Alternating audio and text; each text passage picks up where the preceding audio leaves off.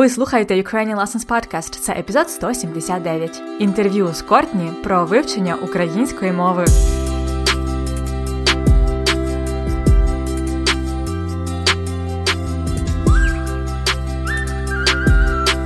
Привіт! Це Анна Огойко і подкаст Уроки української. Подкаст для всіх, хто вивчає і любить українську мову. Це п'ятий сезон, і він повністю українською мовою. І сьогодні в нас на подкасті особливий епізод. Це інтерв'ю, яке я давно хотіла взяти, а саме це розмова з людиною, яка змогла вивчити українську мову з нуля, і, зокрема, завдяки цьому подкасту. Можливо, ви вже чули про цю дівчину. Її звати Кортні. Вона американка і жила в Україні за програмою Корпусу миру. Кортні активна учасниця нашої групи на Фейсбуці Ukrainian Learners, а також ви могли чути її голосове повідомлення в четвертому сезоні подкасту. Тому я дуже щаслива, що Кортні погодилась поспілкуватись і записати невеличке інтерв'ю для вас. До речі, її акцент і мова дуже високого рівня, тому вона майже не робить помилок. Кортні розказує багато цікавого про себе, свій досвід в Україні, а головне, дає чудові поради для всіх, хто вивчає українську мову. Тож, перейдімо до інтерв'ю. Привіт, Кортні! Привіт! Дуже дуже рада тебе чути на подкасті. Я дуже давно хотіла поспілкуватися з тобою ближче. Кортні давно слухала наш подкаст і підтримувала подкаст е, ще з першого сезону. Я дуже вдячна за запрошення. Дякую. Розкажи нам трошки про себе, звідки ти і чому ти почала вивчати українську? Е, добре, ну я родом е, з Каліфорнії, місто Сакраменто. Це невелике місто, але Сакраменто це столиця Каліфорнії. І я я зараз досі живу у своєму рідному місті, але кілька разів у житті я переїжджала. Я навчилася у місті Монтерей на Тихоокеанському узбережжі. Переїхала в інший штат Індіана, де жила за кордоном у Ірландії і, звичайно, в Україні. Тому я вивчала українську мову.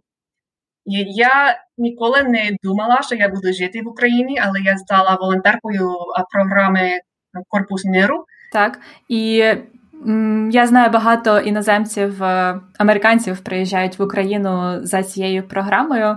Розкажи трішки більше, чим ви займаєтесь. Е, це насправді дуже велика спільнота американців в Україні. Так, це досить велика спільнота.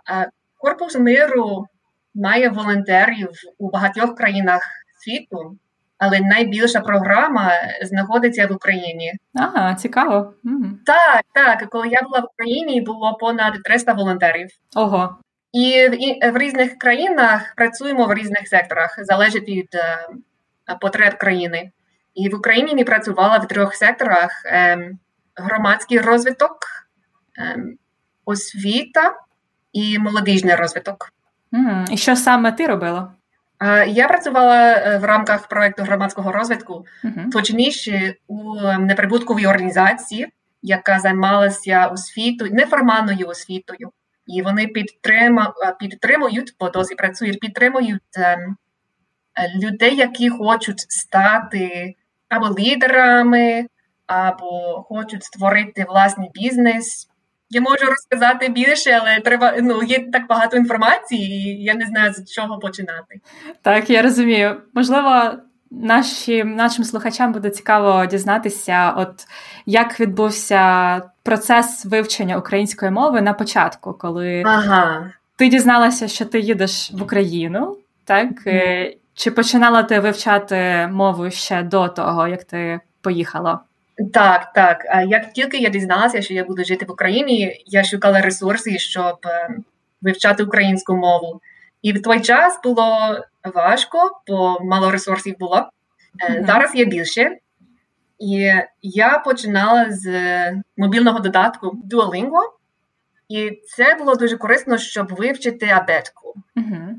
Тобто я почала з абетки, а потім я я слухала твій подкаст, подкаст уроки української, і мені пощастило, що саме е, в той рік, у 2016-му, ти створила цей подкаст. Ага, я так. була по дорозі на е, на роботу, і я теж ну, гуляла і слухала, і переслухала багато разів. Я дуже чітко пам'ятаю одного дня, коли я гуляла, і я слухала епізод про назви місяців. І я гуляла, гуляла і повторювала а січень, люті, березень, квітень. І я повторювала і гуляла, поки я не запам'ятала. Ого. Що для тебе тоді було найскладніше в українській мові? Ой, українська це дуже складна мова. По-перше, мені було дуже важко розібратися з відмінками. І коли я перше чула, що майже кожне слово має ем, кілька форм, моя голова мало не вибухнула. Бо я о, є слова мама, а теж з мамою, мамі, ой, блін. І так багато різних форм. Е, але я практикувала і я робила ну, карточки, флеш-карточки, і я писала кожен відмінок е, різним кольором. Я досі пам'ятаю, я можу бачити чітко, е, що я писала, е, наприклад, називний відмінок е, синій, і родовий віолетовий, і давальні зелені, і так далі. Е, потім мені було дуже важко розуміти, коли використовувати доконаний вид і недоконаний вид дієслів. І ще мені важко, іноді я не впевнена, але у цьому допомагає моє знання іспанської мови, бо теж у іспанській ну, є інший підхід, uh-huh. Але теж є доконаний і недоконаний аспект. Ем, різниця в тому, що в українській мові є різні дієслова, наприклад, вивчати і вивчити, а в іспанській є ем, різні форми е, того самого дієслова. Ага, тому ти застосовувала так цей принцип, саме розуміння цього принципу з іспанської на українську. Дуже цікаво. А чи було тобі щось щось в українській мові просто? Мені було досить просто вивчити абетку, і мені дуже подобається, що коли я бачу якусь букву, я знаю, як е, звучить. Так. Так, в англійській мові дуже важко читати і знати, як вимовляти слово. Але в українській мові, якщо я бачу якусь букву, я знаю, як звучить ця буква. Так, тому не все так погано в українській мові.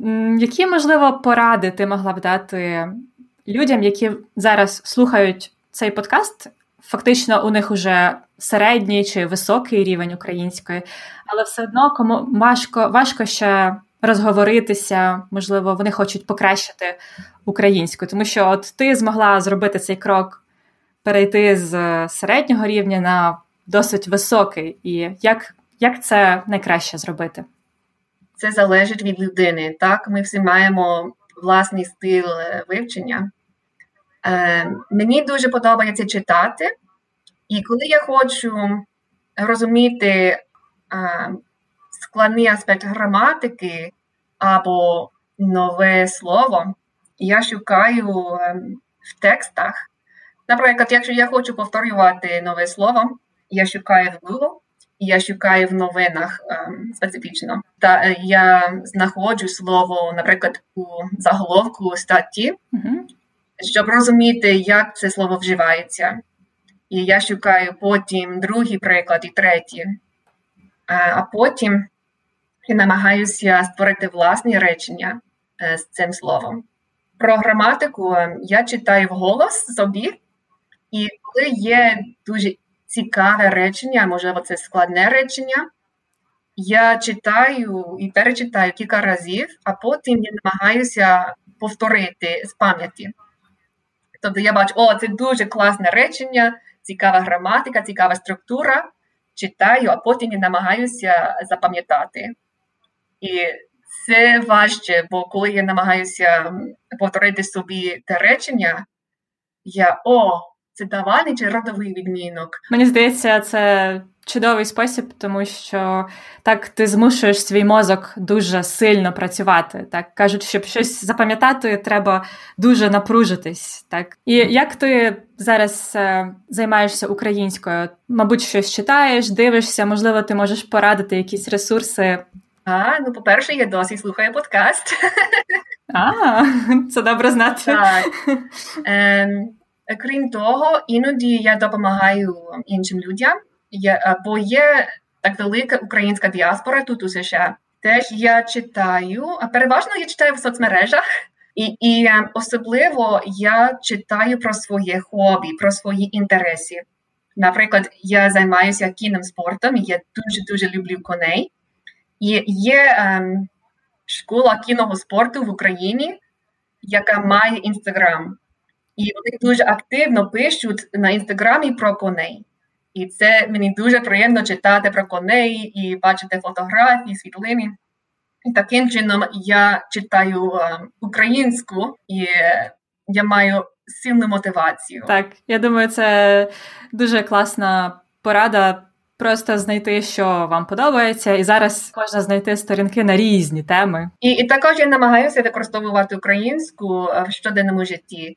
Наприклад, якщо мені треба йти в супермаркет, я пишу ем, список покупок українською мовою.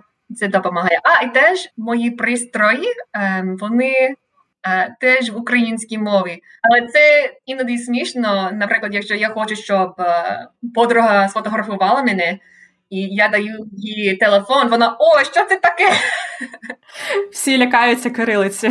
Ага, ага. Це це чудовий привід для розмови. Так, всі знають, що Кортні поширює українську мову у світі. Вивчати іноземну мову неймовірно важко, це дуже тривалий процес, і іноді здається, о, це зовсім неможливо, я ніколи не зрозумію. І, і коли у тебе є коло підтримки, це дуже-дуже допомагає. Ось тому я знаю, що є група на Фейсбуці. Теж, коли я жила в Україні, ну, мені пощастило, що я мала коло друзів, і вони сказали: ну, ти класна, ти молодець, і ну, нічого, якщо ти помовляєшся, гаразд, я тобі допоможу. І така мотивація, така підтримка дуже допомагає. Чудово, чудово, чудові роздуми. Так мені здається, це з самого дитинства, коли ми ростемо, важливо чути слова підтримки батьків е, і близьких, і так само і з вивчення мови чи в будь-якій справі. Так, і у моєму досвіді українці, україномовні люди міцно підтримують ем, тих, хто вивчає українську мову. І навіть якщо ти розмовляєш тільки ну, пару фраз, ем, якщо ти намагаєшся розмовляти українською, є багато людей, які ем, підтримують тебе. Так, це справді важливо саме з українською мовою, це правда. Дякую тобі дуже, Кортні. Це насправді дуже приємно говорити з тобою. Я думаю, твій приклад надихає багатьох людей. І також хочу зробити тобі невеличкий подарунок. О, клас! Особливо ти сказала, що ти любиш читати, mm-hmm. і ми зараз готуємо якраз до друку. Вже майже закінчили готувати нашу книжечку, яка буде простою українською мовою. Wow. І це історія про двох іноземців в Україні на Черкащині. Я думаю. Тобі така історія сподобається, і ми будемо цю книгу починати е, поширювати приблизно в березні, і тоді я з радістю тобі надішлю цю книгу як подарунок. О, класно, я дуже вдячна і чекаю з нетерпінням. І я хочу сказати, що бути на подкасті це велика честь. О, дякую. Гарного тобі дня. Гарного тобі дня, дякую.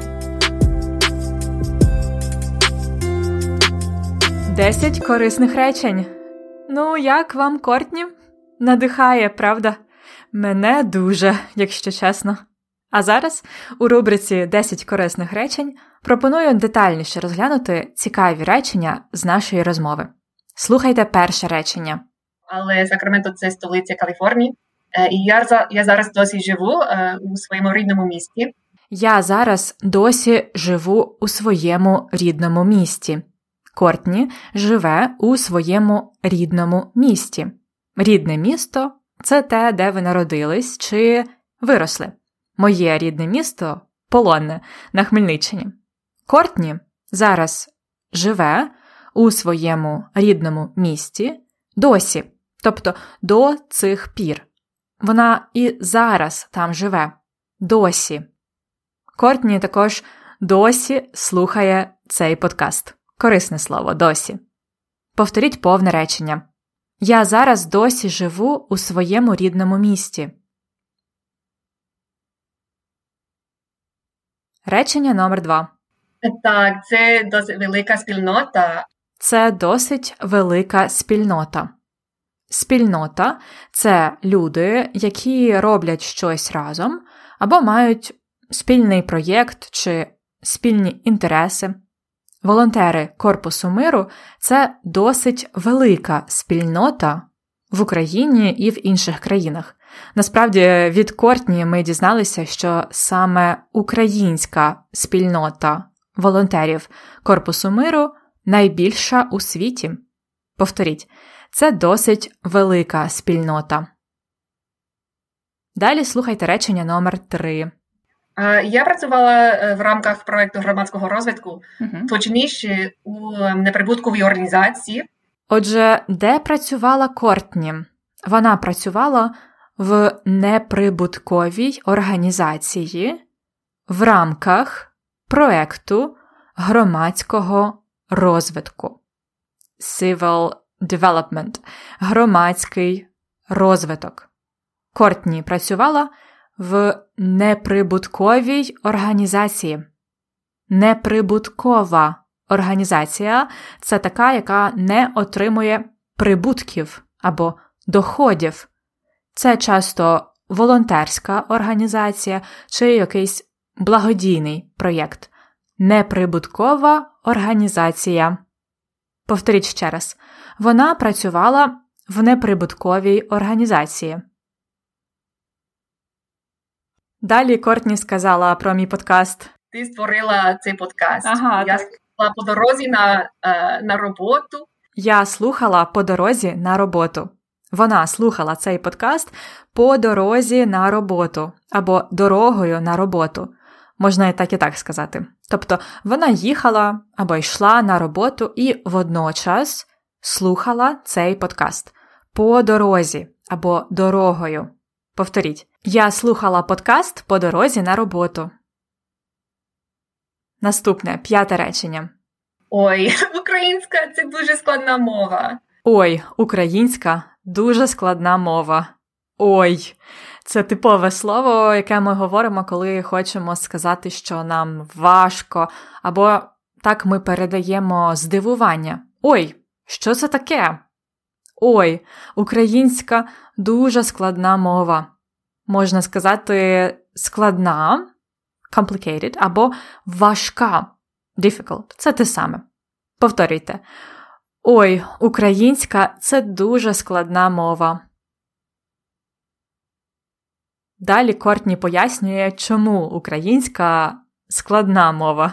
І коли я перше чула, що майже кожне слово має ем, кілька форм, моя голова мало не вибухнула. Моя голова мало не вибухнула. Коли вона почула, що майже кожне слово має кілька форм, її голова мало не вибухнула. Мало не, тобто майже її голова мало не вибухнула, тобто майже зробила бабах, вибухнула. Голова може вибухнути, якщо ми занадто багато думаємо, або нам важко щось зрозуміти. Повторіть ще раз. Моя голова мало не вибухнула. Далі речення номер 7. Я сказала, фактично, у них є середній чи високий рівень української, але але все одно кому важко, важко ще розговоритися. Все одно важко ще розговоритися, розговоритися, почати активно говорити. Можна розговоритися активно іноземною мовою, а можна просто розговоритися, коли ви спочатку мало говорили, а потім почали багато говорити з кимось. Наприклад, ви їдете в поїзді, напроти вас сидить чоловік, і він питає вас, куди ви їдете? І ви почали говорити, ви розговорилися, почали активно спілкуватися, активно говорити на різні теми. Ви розговорилися. Таке гарне дієслово. Так от, усім, хто вивчає іноземну мову, може бути важко розговоритися, почати багато говорити. Повторіть. Все одно важко ще розговоритися. Кортні сказала, що вивчати іноземну мову неймовірно важко. Вивчати іноземну мову неймовірно важко, це дуже тривалий процес, і іноді.